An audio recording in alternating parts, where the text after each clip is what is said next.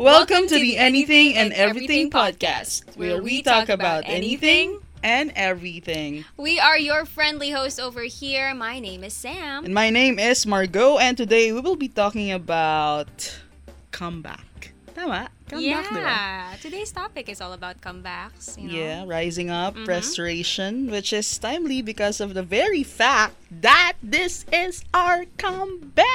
Yes, for the the podcast. Yeah, for the podcast channel and also for the Friday program. Yeah, and also for the For the friendship.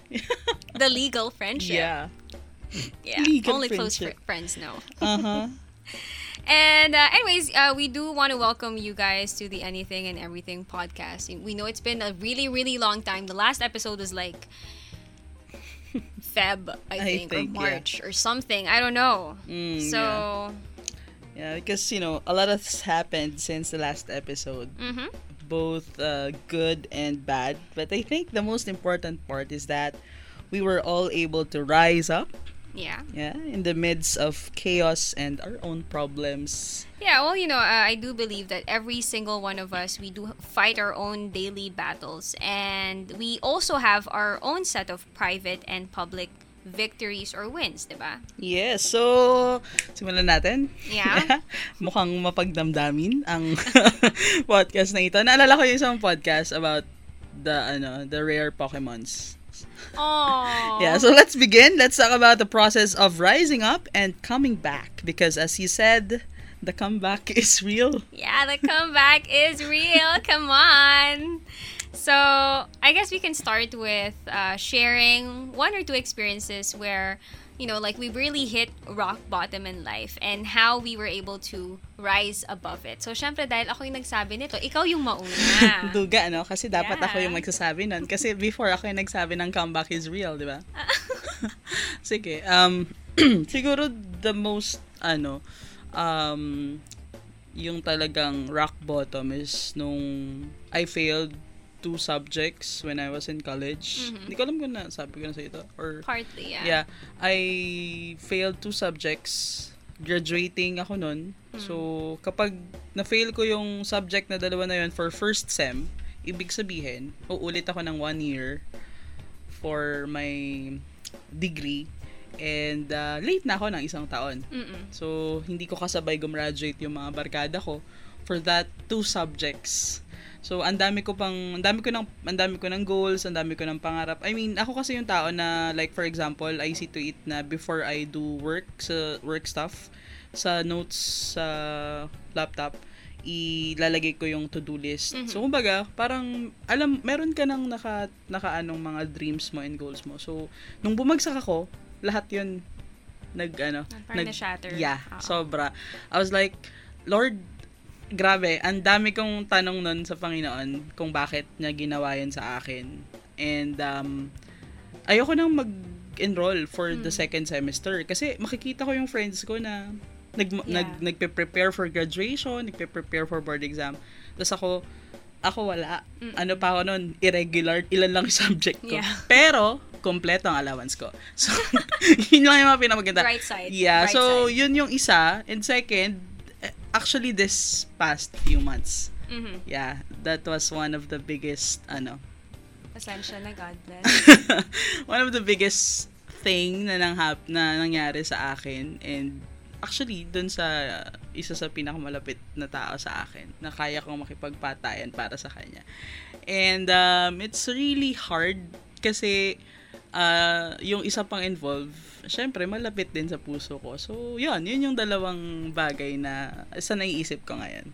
Ikaw, You know, Major. honest- honestly, like while you were sharing your answer, I was like, shucks, what answer am I gonna give? yeah. But like, it's usually always about guys.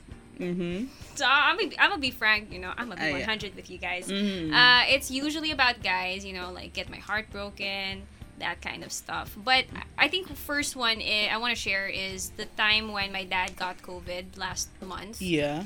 Uh, that was a really really tough time, not just for me but for the entire family. Mm. And you know, like it, it got to a point where we really thought that we would lose my dad because you know he was disoriented and he was he just he wasn't himself anymore Mhm. and i felt like i lost him already So that was a really scary part.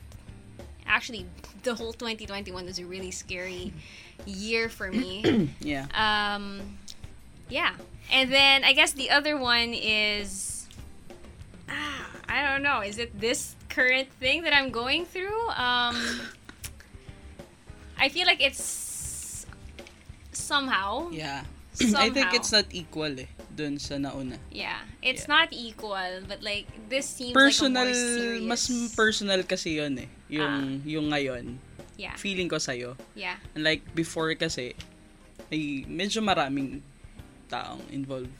mm-hmm. Ngayon parang it's between you and yourself. Uh-huh. Yeah. So feeling ko mas And I know, I don't know, like it in a way, um, it's like I don't know, like it's different because I still don't see it as everyone else sees it. Mm, Like you guys see me as the victim, but I just can't. yeah. You know, I see myself as the bad guy here. Mhm. But ano nga bang sekreto to? it's only between us. but yeah, you know, um anyways, it's it's just difficult when you put your guard down for the wrong people. So that eventually led to my downfall and it has happened to me multiple times. I seem to never learn, but hopefully this is really like the last time. Please. Yeah. But anyways, um how about we talk about how we were able to rise above these things? Ah, okay. Sige. So, dun muna sa first part when I failed my subjects. Um, pinaka-importante siguro yung support system. Mhm. It's one of the, ano talaga, main um, reason kung bakit talaga tayo nakaka-rise up, 'di ba? Yeah. So, I remember one of one of the lines of my papa. Sabi niya, ah, mag-enroll ka. Sabi niya. Kasi I was, ah, hindi ko naman pwedeng sabihin na I was a simple student or typical student. No. I am a um, student council officer. I usually host the big events in the school. So, the president, vice president for external affairs, for academic affairs knows me very well. Yeah. Kasi, uh, these people, napakaliit lang ng community namin sa, sa school. Though, sobrang laki niyang institution, pero maliit lang yung community. And halos lahat magkakilala. And so, sabi ko, nakakahiya. Nakakahiya na kapag nakita nila ako next year ulit, naka-uniform ako ulit, Mhm. anong anong sasabihin? So, sabi ni Papa, mag-enroll ka, ah, hindi ka namin susukuan, hindi ka namin hindi ka namin iiwanan. And another, yung dean namin that time, sabi niya sa akin, bumagsak ka lang Yeah. hindi nabawasan yung pagkatao mo sa amin. Totoo. So, yun yung mga yun yung mga major reasons kung bakit ko kinaya na mag-rise up nung time na yon. And syempre, yung yung ah, reminder ng Lord na may plano siya sa atin. Sometimes, y- the Jeremiah 29.11 itself, na sabi niya, For I know the plans I have for you, declares the Lord. Some moments ng buhay natin, kahit Christians yung iba na nakikinig sa akin, ka- sa atin, kahit Christians tayo, we still, ano, experience heartaches, di ba? Na sobrang talagang rock bottom, kaya nga Ah, natin of ito pinag-uusapan eh. And sometimes, kini-question natin, bakit tayo nasasaktan? Eh, ganito yung mga, ganito tayo, bakit ganito? Kaya nga, yung, yung verse na yun, sobrang, For I know the plans I have for you, declares the Lord, plans to prosper you and not to harm you. So, doon tayo lagi sa harm part agad eh. Hindi natin tinitignan yung plans to prosper. So, sabi ko nga, yung, yung, yung verse na yun, eh, one of the most important ano, um, reminder sa akin every now and then.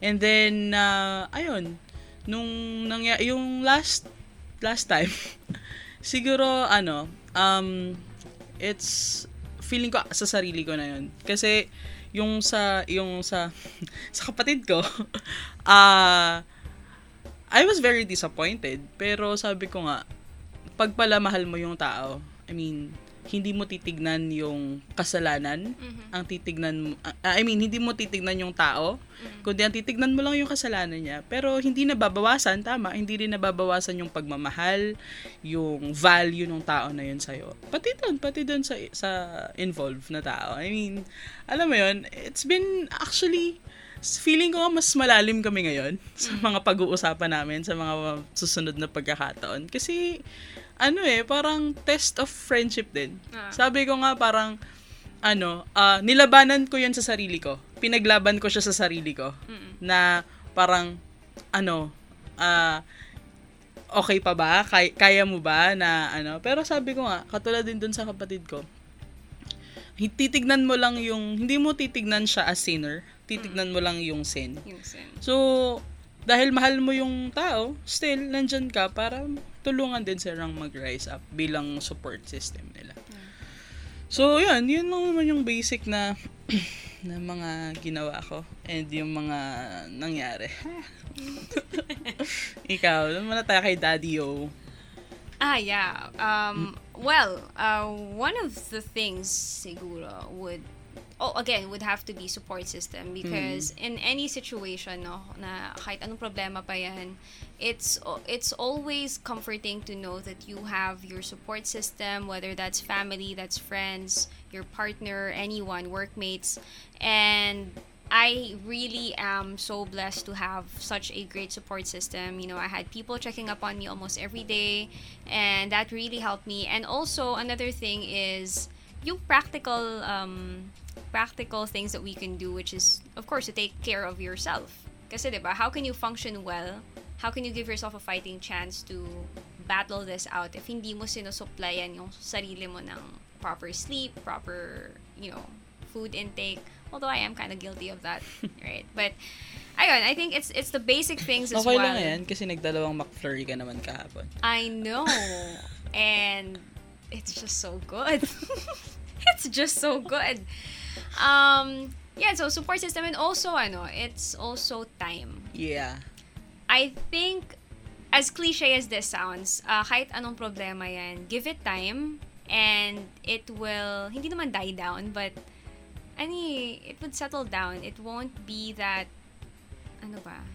It Time heals. No? Oh, time heals. So just like if you're going through stuff, give it time, give it a few weeks, months, hopefully not years, but Yeah. time. Yeah. Mhm. Ano pa ba? Itong isa. Ah. Again, that other problem that I'm still currently going through. Uh, I think it still goes down to the, you know goes back to support system still. I I have people who are ready to like fight Yeah. literally. And figuratively. Yeah, literally and figuratively.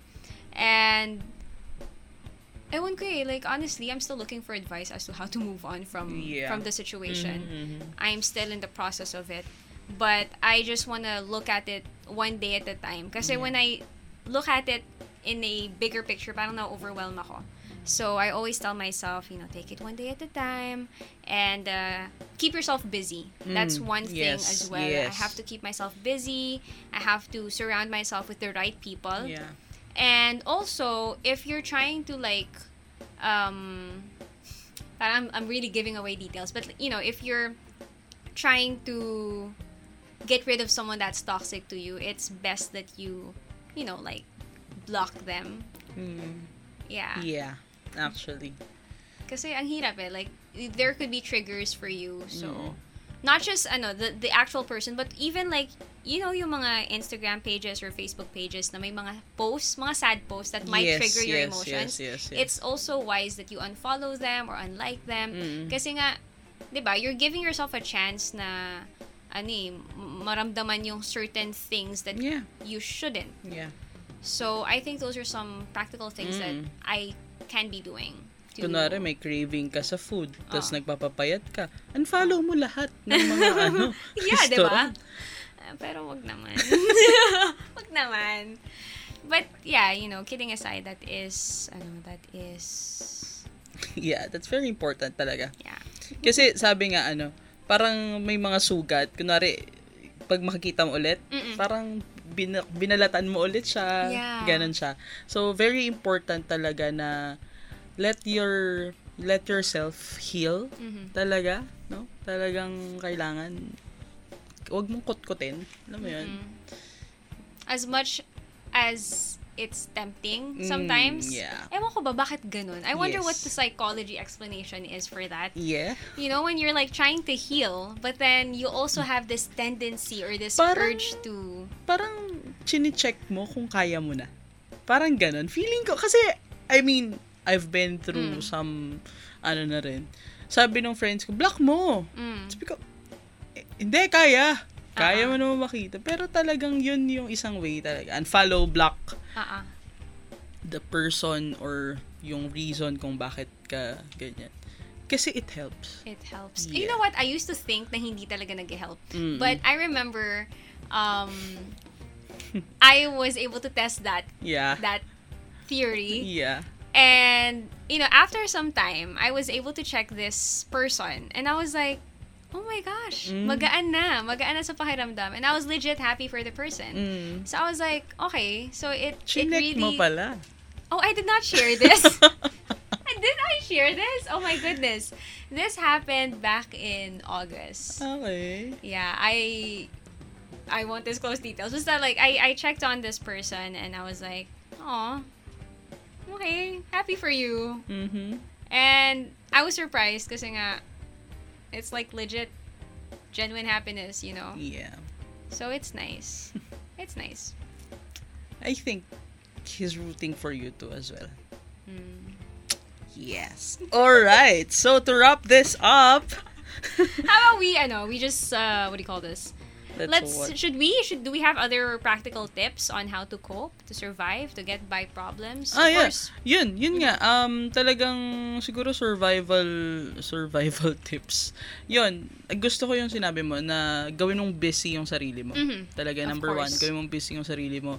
And, ano, um, unahin mo yung sarili mo ulit. Yes. Yun, Self-love, yes. self-care. Yun ang pinaka-importante. Kasi, sabi nga nung, naba, nung pinasa sa aking TikTok, Mm. akala natin daw pag wala, pag naibigay na nating lahat, hindi na tayo able para ah, makaramdam ng something sa natin. Kasi naubos na tayo eh. Mm-mm. Pero the good thing is, the best part is, we can regenerate again kung paano tayo magmamahal, Mm-mm. kung kasi minsan nakala mo ubus ka na eh. Pero at the end of the day, meron pa.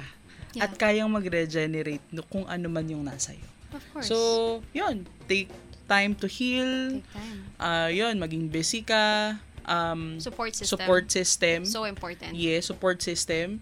And actually, yun lang talaga. Ako ah, Mhm.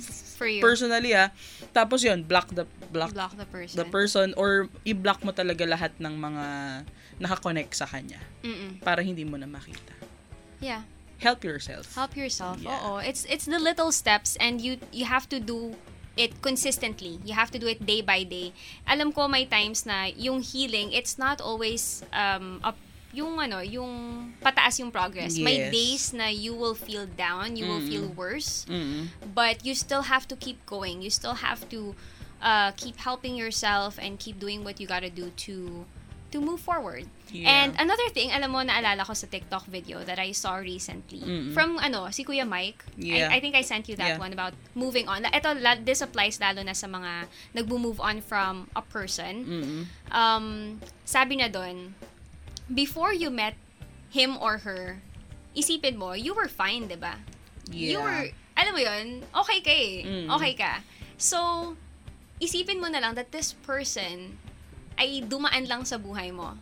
Maybe to teach you a lesson. Maybe, alam mo yun, uh, sure, you guys had your ups and downs. You guys had happy moments. But, baka gandun lang yun eh.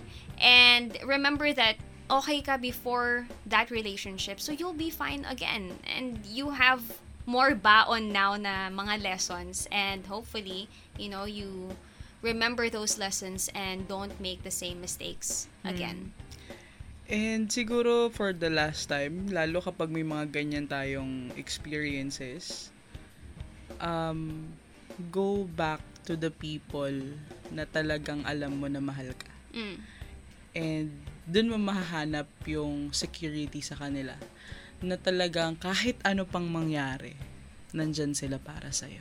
Mm. ba? And ano mo 'yun? Minsan kasi akala lang natin na yung nahihiya tayo, na baka hindi na tayo tanggapin Yeah. ulit dahil sa mga ganitong pagkakataon. Pero at the end of the day, tayo lang pala yung nag-iisip nun. Kasi open arms, nandyan sila to welcome us again home. ba? Sobrang, sobrang ano nun, sobrang comforting to know and to be secured na may tahanan ka na uuwian araw-araw. Should I start crying? Yun, that's it, I think. So, yeah. Love you, Sam. Shut up. My goodness. mm-hmm. Um. Yeah, I think that's I think that's about it. yes. So, again, thank you, thank you so Why are you laughing at me? Oh my goodness. Cute mo eh. Shout out na lang po sa mga ano. Shout out sa mga family namin and friends. Shout out sa friend ko, Wow. sa MC. Wow.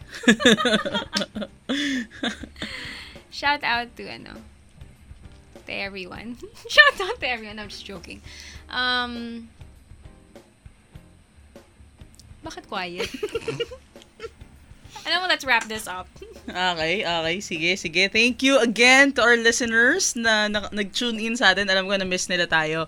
And hopefully, uh, maging ano ulit. Uh, Tuloy-tuloy. yeah, mag-continue ulit. And malay mo, may mga guests tayo. Wow. Sa susunod na mga araw. yeah, Teddy and Beshi. and uh, yeah, again, thank you, thank you so much for listening to our episode. Uh-huh. And Uh, by the way, guys, if you would like to start a conversation with us, you want to ask questions or give some feedback or, you know, you have... Kasi diba, we, we, we can definitely welcome mga questions nila and then we can give advice. Yeah, advisor. Tita. So yeah, if you guys have questions, feedbacks, ganyan, or topic suggestions, we are definitely open to that. Just uh, send your messages to our email, anything, everything, the podcast at gmail.com. And yes, please to subscribe or follow this podcast. We'd really, really, really, really appreciate it. Yeah, so uh, this has been Sam reminding you all that God loves you beyond measure. And this has been Margot reminding you to trust God's process. Have a great day, everyone. Or maybe a good night. Bye. Bye.